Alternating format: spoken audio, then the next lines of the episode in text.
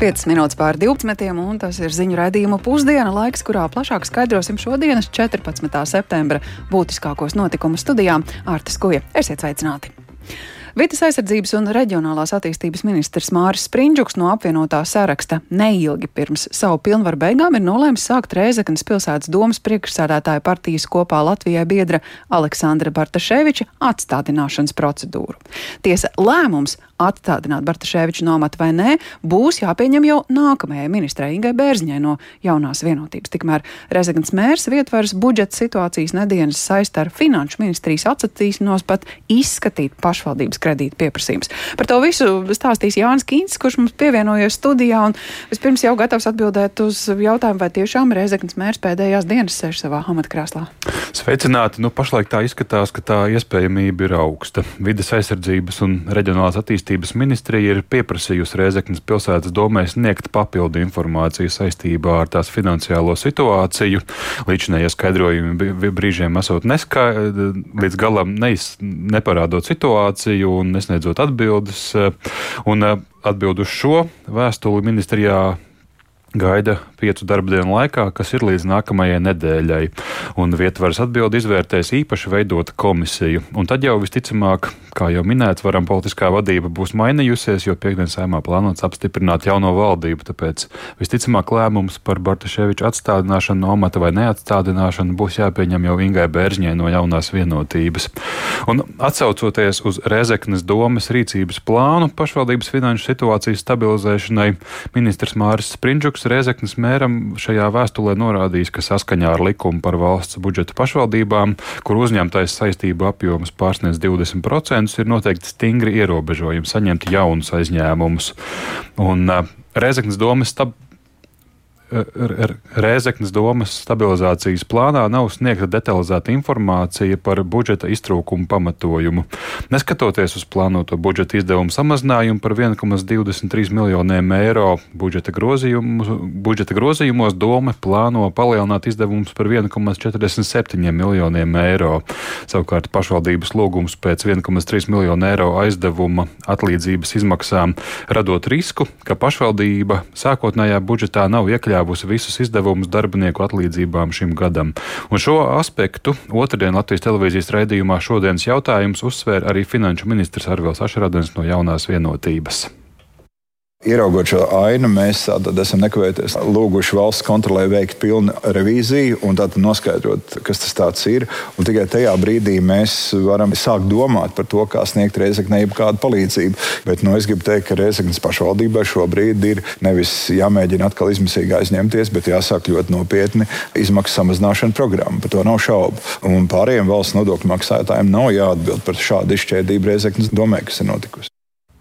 Valsts kontrole izvērtējumu par Rēceknas pilsētas domas budžeta situāciju ir solījuši apmēram līdz novembrim, tātad vismaz pēc pāris mēnešiem. Tikmēr Rēceknas mērs Aleksandrs Bartaševičs no partijas kopā Latvijai sarunā ar Latvijas radio šorīt norādīja, ka pašvaldības budžeta stabilizācija nemaz nebūtu nepieciešama, ja Finanšu ministrija būtu izskatījusi Rēceknas pilsētas domas pieteikumus kredītiem vai aizņēmumiem uz ko tai esot pilnas tiesības pretendēt. Un šī situācija iezīmējusies jau jūnijā, kad aizdevums prasīts nu jau par skandālu kļuvušās spā centra pabeigšanai Rēzeknē un secīgi vēl vairākiem kredītu pieprasījumiem. Un šī situācija pēc Sprinčuka domām, atgādināšu ministra teikto, rada risku, ka spā centra projekta dēļ domi varētu netikt galā ar savām pamatfunkcijām. Savukārt Bartaševičs savu atbildību par radušo situāciju nesaskata un Šo sauc par politizētu kampaņu pret Rēzeknas domas vadību neredzu pagaidām pierādījumu, ka jāiztais manai atbildībai par kaut ko. Argumentācijas nav tādas, kāda jābūt likuma ietvaros. Atbildība, protams, mēs mēģinām sakārtot tagad uh, situāciju un vienas izmaiņas mēs jau veicam grozījumus budžetā, palnot tur ienākumus. Uh, šobrīd mēs arī sagatavojam un nākamnedēļ pieņemsim vēl budžeta izmaiņas, tur 1,3 būs ekonomija un tad attiecīgi pārdalē. Es vēlreiz varu atkārtot, ka stabilizācijas process viņš ir nepieciešams. Tas ir spies piespiests lēmums, tāpēc, ka finanšu ministra nereaģēja uz mūsu pieteikumiem. To varētu atrisināt arī bez tik stipra līdzekļa kā stabilizācijas plāns. Nu, diemžēl mums nācās tāda veida reaģēt, jo, ja mēs to nedarītu, tad situācija vēl sliktāka būtu. Tad, nu, mēs nevaram cīnīties ar ministru, saprotiet, tas diezgan sarežģīti un nepratīgi. Aizējošais ministrs Māris Sprindžuks par procesa sākšanu Bartaševiča atstādināšanai no amata plašāk izteiksies vēlāk šajā pēcpusdienā, un tad arī atspoguļosim vēl plašāk tad, abu pušu argumentus. Paldies! Tik tālu Jānis Kīncis stāstot par procesu, ko sācis vidas aizsardzības un reģionālās attīstības ministrs Māris Sprindžuks. Iesācis atstādināšanas procedūru, runa ir par Rēzeknes mēru Aleksandru Bartaševiču. Zinām arī, ka gala lēmums par viņa atlaišanu vai atstāšanu amatā būs jāpieņem jāpieņem jaunās valdības ministram. Reizeknas ielās sastapto cilvēku viedoklis par ministra rīcību atšķiras. Vieni atbalsta Bartaševiča gāšanu, sakot, ka viņa rīcība ir radījusi pilsētai saimnieciskas un finanšu problēmas. Savukārt citi uzskata, ka viņš ir paveicis gana daudz pilsētas attīstībai un būs žēl, ja viņu atlaidīs. Ko jūs domājat par ministra lēmumu atstādināt pilsētas mēru? Super! Sen vajadzēja, jo saskaņai vienreiz ir jābeidzas. Jo kamēr bija latvieši, tikmēr bija reizekne kārtība. Ja jūs paskatīsieties uz Ziemeļrēnu aizbrauksiet, kas tur notiek, tas parks, kur bija, viņš jau ir samaitāts. Un vēl pie tam pašvaldības policijas nav. Tie dzērāji, kas tur nāk, viņi sēž, bērni staigā un viņi sēž un dzerstās nost. Sakārtots ir tikai centrs. Pārējais viss kā Krievu laikos. Man nekas nav pret Bartaševiču, jo viņš daudz ko izdarīja pilsētai. Es par viņu uz visiem simt procentiem, jo pirms viņa, kas bija mēri, vispār neko nedarīja. Nobija savu laiku un viss. Bet tagad pilsēta ir pārvērtusies. Protams, tam visam vajag naudu, par to šaubu nav. Nu, viņi tur lai skatās, ko tur darīt. Mums tas Bortaševics neko sliktu nav izdarījis. Viņš visu labi iekārtoja, prieks uh, skatīties. Nu, laikam, kas slikti. Labs zēns Bortaševics. Es viņu cienu. Pazīstams no jauniem gadiem. Man daudz ko dara pilsētā, viss uzbūvēs, uztaisīs. A mīnusi katram ir savi kārtībai jābūt. Ja ir nekārtība, tad vajag kaut ko darīt. Tas var būt arī cits kāds risinājums, bet lai būtu kaut kāds rezultāts, lai tiktu ārā no šī te haosa, ja teiksim. Domāju, ka ir arī pozitīvas lietas, ko viņš ir darījis pilsētā. Ir uzceltas ēkas, nu, bet ir arī redz, ļoti negatīvas lietas izdarītas un caurumi. Un tagad mēs cietīsim no tā. Tāds reizekniešu viedoklis par pilsētas mēra darbību un temats, kam pievērsīsimies arī raidījumā pusdiena, bet turpinām ar situāciju, kas iezīmējās nedēļas sākumā. Centrālā laboratorija brīdināja, ka nepietiekamā valsts finansējuma dēļ no rītdienas valsts apmaksātos pakalpojumus sniegs tikai rindas kārtībā, atbilstīgi valsts apmaksātajām kvotām. Savukārt šorīt Veselības ministrijas veselības aprūpas departamenta direktore Sanita Janka pavēstīja, nepieciešamais finansējums laboratorijām ir aprēķināts un piešķirts. Tie ir 11 11 miljoni eiro līdz gada beigām, un viņa pauda cerību, ka centrālā laboratorija saņemot finansējumu turpinās darbu ierastajā režīmā.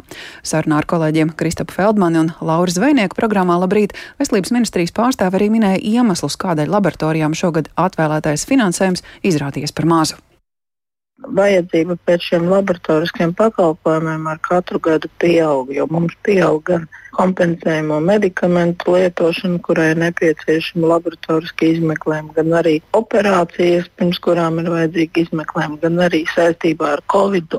Kopumā mums ir palielinājies kronisko pacientu skaits un arī pacienti kuru slimības tika ielaistas saistībā ar Covid pandēmiju, kad pacienti saulēcīgi nevērsās pie ārsta. Tā kā šeit ne tikai finansējums, bet šeit kopumā visa situācija. Un Bet tad pirmkārt ir... ir viens no tiem pakalpojumu veidiem, bez kuriem nu, patiesībā saprot veselības aprūpe. Nevar nu, iztikt nu, tieši tā, bet nu, tad vai nu, vai nu ir nepareizi prognozēts šis nepieciešamais apjoms, vai arī nu, nonākot šajā situācijā, vai nu veselības ministrijai nav jādodas kolēģiem valdībā prasīt papildu līdzekļus, piemēram, no neparedzētiem gadījumiem. Finansējums ir pieprasīts, un šis finansējums ir arī piešķirts. Tuvāko dienu laikā laboratorijām tiks paziņots šis papildus piešķirtais finansējums. Šī situācija ir tikai ar centrālo laboratoriju. Nevar izveidoties situācija, kā arī pie citām laboratorijām būtu šāda situācija. Šāda situācija, finansējuma pārsniegums ir visām laboratorijām, bet tomēr pārējās laboratorijas, tā skaitā Gulbi laboratorija šo pakalpojumu turpina. Vakardien arī sarunā Gulbi laboratorija apstiprina, ka viņi šo pakalpojumu sniegs. Šeit droši vien aicināt iedzīvotājus, ja ir šie pakalpojumi un centrālā laboratorija veidojas rinda, tad var doties arī uz gulbi laboratoriju, jo laboratoriskos izmeklējumus var veikt jebkurā laboratorijā, kurai ir līgums ar Nacionālo veselības dienestu, un tā nav tikai centrālā laboratorija.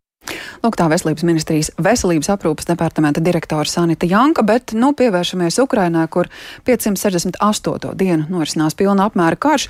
Šonakt notikuši jauni Krievijas dronu uzbrukumi, kas smērķēti pa Dņipropetrovskas un Zaporīžas apgabaliem. Tāpat šorīt ir pienākušas ziņas par sprādzieniem Krievijas okupētajā Krimā. Šoreiz tie atskanējuši Eipatorijas pilsētā, kuras apkaimē ir izvietotas vairākas Krievijas karbāzes un netālu atrodas arī militārais lidlauks, kur pirms mēneša notikušā uzbrukumā tika iznīcināts vairākas lidmašīnas. Par situāciju Ukrainā sarunāšos ar Zemesardzes uh, štāba pārstāvi pulkveža leitnanti Anitu Pīzeli. Labdien! Labdien! Runājot vispirms par kara darbību frontē, kā jūs raksturot, kāda šobrīd ir situācija, kāda ir Ukrainas panākumi? Uh, varētu teikt, ka uh, Ukrainai ir zināmi panākumi veidojot pārāvumu frontes centrālajā daļā. Ir uh, neliela kustība frontes ziemeļaustrumu daļā, mazāk kustīga frontes līnija not, ir uh, Ukrainas uh, ziemeļos. Tur uh, okupanti uh, koncentrē savus spēkus, iespējams, lai veiktu kādu pretuzbrukumu. Eksperti minēja, ka 26. septembrī mēs uh, skatāmies, kā situācija attīstīsies. Uh, frontes dienvidos, uh, jeb Helsonas apgabalā, vairāk ir novērotas diversantu darbības. Ir pēdējā laikā novērotas aktīvas um, pēcvienību, Ukrainas pēcvienību darbības uh, Krimas um, apkārtnē un konkrēti Melnajā jūrā. Uh, pakāpeniski nonākot līdz uh, divu uh, kuģu zaudējumam Krievu um, Melnās jūras kara flotē. Tāds veiksmīgs uh, pasākums. Tā ir, uh, var teikt, pozitīvi vērtējums. Kaut gan jāsaka, ka pēdējās divās dienās varētu teikt, ka ir tāds uh, nedaudz atelpa. Uh, frontē, mm. nu, no Ukrainas bruņoto spēku puses. Jā, bet nu, runājot par Krimu, kāda ir taktiskā nozīme tiem pēdējā laika uzbrukumiem, dronu uzbrukumiem vai, vai citādi sasniegtiem militāriem mērķiem, par kuriem video un fotografijās redzam, cik iedarbīga ir šāda Ukraiņu taktika? Nu, piemēram, vakarā tika iznīcināta ļoti stipri bojāta zemūdene, kas faktiski veica šo raķešu uzlidojumus valsts teritorijai, Ukraiņas valsts teritorijai. Un, jūrā šo zemūdeni Ukrainas karaspēks nevarēja iznīcināt. To varēja iznīcināt vai nu tad, kad viņi ir virsūdens, vai tad, kad viņi ir tausējos dokos. Tā ir ļoti labi izplānota operācija. Zemūdeni ir eh, bojāta tik tālu, ka pagaidām vismaz noteikti nevarēs piedalīties uzbrukumos, uh, kas attiecas uz desanta kuģi, tas ir bojāts neatgriezeniski, un šāds kuģis varēja pārvietot uh, ļoti lielas um, militārās vienības un varētu darboties, šādas klases kuģi varētu darboties brīdī, kad uh, Ukraina būtu nogriezusi um, Krievijas karaspēka piekļuvi gan pa sauszemi no diviem ceļiem ziemeļos, gan pa Kerčas tiltu, jeb Krimas tiltu tā saucamo. Tad šādi kuģi varētu darboties un palīdzēt pārvietot šo karaspēku un militāro tehniku. Un tieši visvairāk šādu iznīcinātu kuģu ir Krimas Melnajā, Melnās jūras flotē Krieviem. Tāpēc uh, ļoti labi, ka šādi puķi tiek iznīcināti un uzbrukumi notiek, ka, ka mēs zinām, tika pārņemti šitie, šie divi, četri torņi, uz kuriem atradās radiolokācijas iekārtas. Tagad, kad tās Krievijas radiolokācijas iekārtas, ka šīs iekārtas tagad tur vairs nedarbojas, viņiem uh, okupantiem nav iespēja uh, precīzi novērot notiekošo Melnās jūras uh, akvatorijā no uh, Ukrainas teritorijas sauszemes līdz uh, pussalai.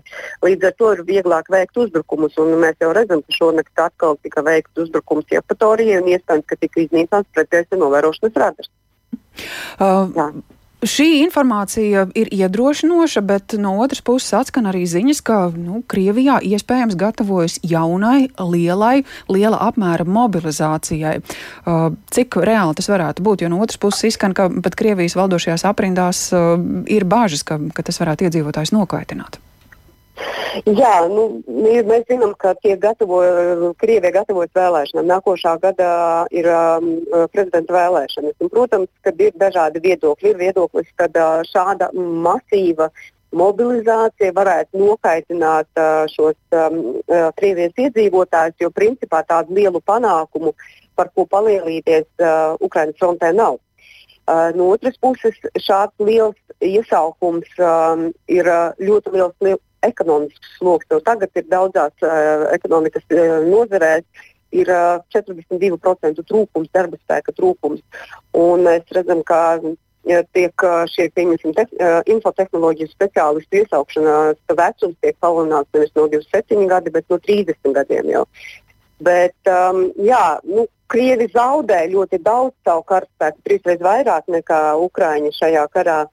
Un šāda liela cipara mobilizācija pirmkārt tie karavīri ir jāapģērba, jāekipē un jāapmāca, lai viņi kaut ko spētu darīt frontē. Bet mēs jau tagad zinām, ka 25. armija, kas tagad tiek ievilkta Ukrainas ziemeļu frontes daļā, um, nu, ir signāli, ka šī armija nav pietiekoši ekipēta, nav pietiekoši apbruņota. Un, um, ir šaubas par Jā. šīs armijas kaujas spējām. Mhm. Lielas paldies par šo komentāru. To saku Zemesardas štāba pārstāvē pulkas leitnantei Anitai Pizelē. Runājām par Krievijas pilna apmēra sākto karu Ukrainā. Kara darbība turpinās jau 568. dienu.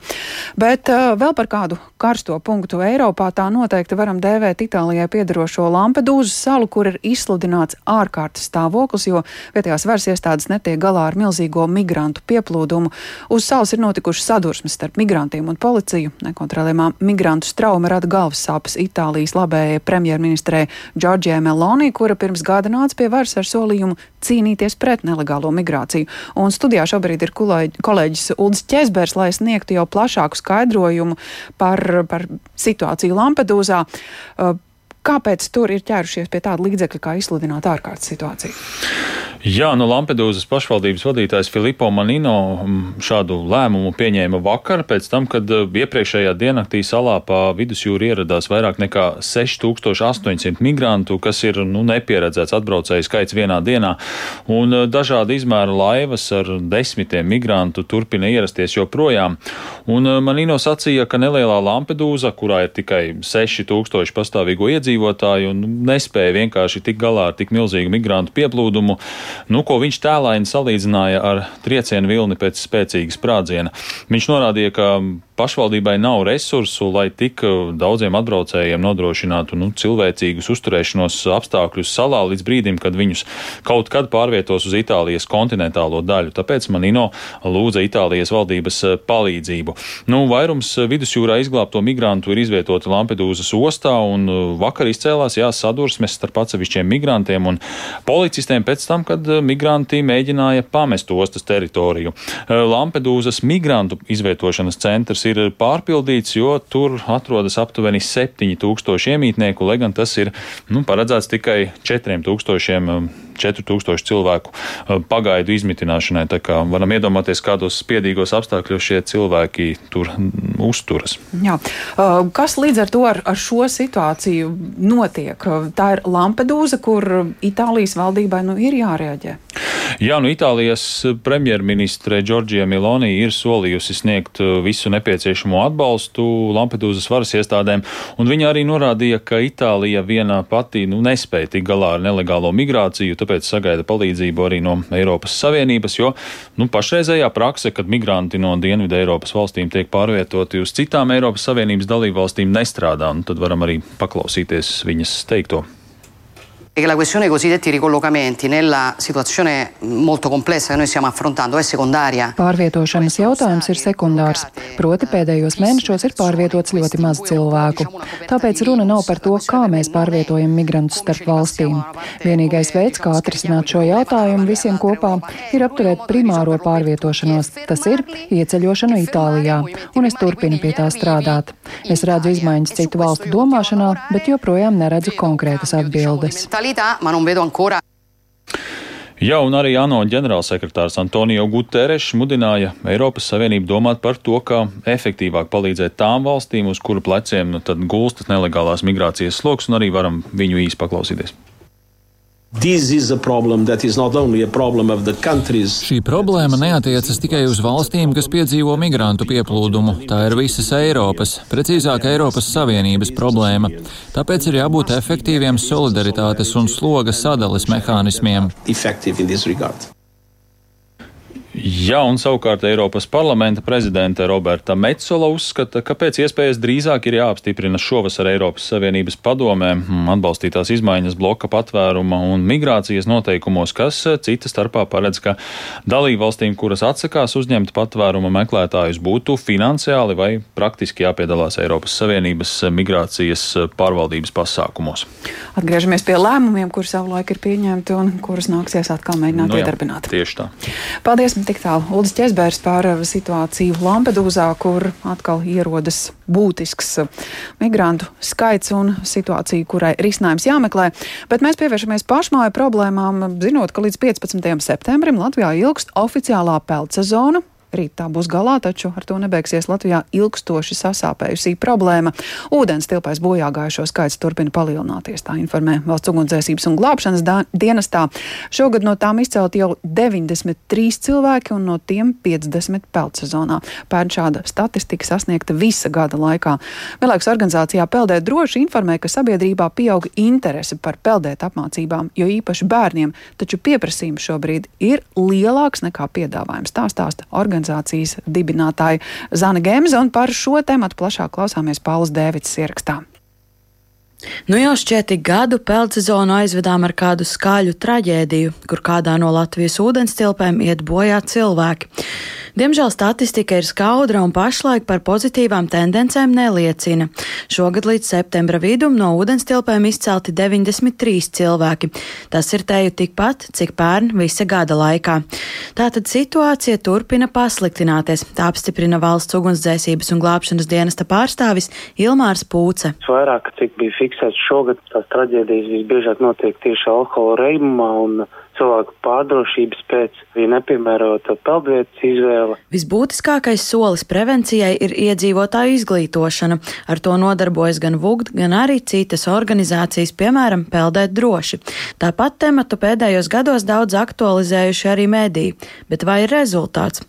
Organizācijā Peldēt droši Latvijas radio skaidro, ka ievērojami palielinās pieprasījums pēc peldēšanas apmācībām bērniem, taču pieprasījums šobrīd pārsniedz piedāvājumu. Piemēram, Rīgas Jūglas vidusskolā pašlaik uz peldbaseinu brauc aptuveni trešdaļa no otro klašu bērniem. Tā skaidro direktore Helēna Vilkosta. Visi gribētāji tikt nevar.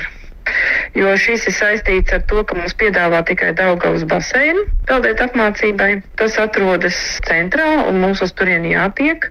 Un nav jau to pedagogu, kas varētu tos peldēt gribētājus pavadīt. Nu, tādā skaitā, cik mums vajadzētu. Direktore atzīst, ka gribētāju ir krietni vairāk, bet šobrīd apmācības piedāvā tikai tiem, kam vispār nav peldēšanas iemaņu. Pirms pandēmijas skolai esot bijis pieejams arī kāds baseins izglītības iestādes tuvumā. Tad šo iespēju izmantot varēja lielāks skaits bērnu, skaidro Vilkosta. Ādažu novadā pie peldēšanas tiek krietni vairāk bērnu, jo novadam ir savs baseins, stāsta sporta centra vadītājs Ārnis Rozītis. Mēs savā peldbaseinā nodrošinām peldēt apmācību visām ādažu novada skolām. Tas ir Cernikavas pamatskolai, kur peld 2, 3 klase, ādažu sākuma skolai, kur peld 2, 3 klase un 5 klase tad arī privātajai brīvai Valdorfas skolai. Uz to mums tā teikt savā ziņā jācieš iedzīvotājiem, jo principā darba dienās 90% vairāk aizņem taisnību skolu peldēt apmācības. Organizācijā Peldēt droši skaidro, ka ir būtiskas atšķirības starp interesi par peldēšanas nodarbībām starp pašvaldībām. Turpina dibinātāja Zane Gemze. Nu, es domāju, ir būtisks atšķirības tas, vai pašvaldība ir gana bagāta un kas var atļauties, un vai pašvaldībā ir nepieciešama infrastruktūra. Peldēt apmācību nav iespējams nodrošināt nekur citur kā peldbasēnā. Attiecīgi tās, kas ir bagātākas pašvaldības, tām ir gan peldbasēns, gan arī iespēja finansiāli šo nodrošināt. Citām tāda iespēja nav, un attiecīgi tur iztrūks, piemēram, kas ir Madonas rajona novacs un apkārtnē esoši, turpat nav neviena taubasēna, kur varētu tikt aizvadīts šādas nodarbības. Tas nozīmē, ka tajā reģionā vispār nenotiek bērnu pelet apmācība. Gemze uzsver, ka pašvaldībām un valstī ir būtiski veidot visaptverošu baseinu tīklu, lai apmācības varētu nodrošināt visā Latvijā. Paula Dēvica, Latvijas radio. Un ar to arī izskan rādījums pusdienam, piebildīšu, kā par daudziem izskanējušiem un citiem notikumiem Latvijā un pasaulē plašāk runāsim raidījumā pēcpusdienā, tas uzreiz pēc ziņām sešos. Bet raidījumu pusdienu veidoja producenta Aiga Pelēna, ieraksts montēja Renārs Šteimans, par labskaņu rūpējās Mārtiņš Paeglis, ar jums sarunājās Arta Skoja. Yeah.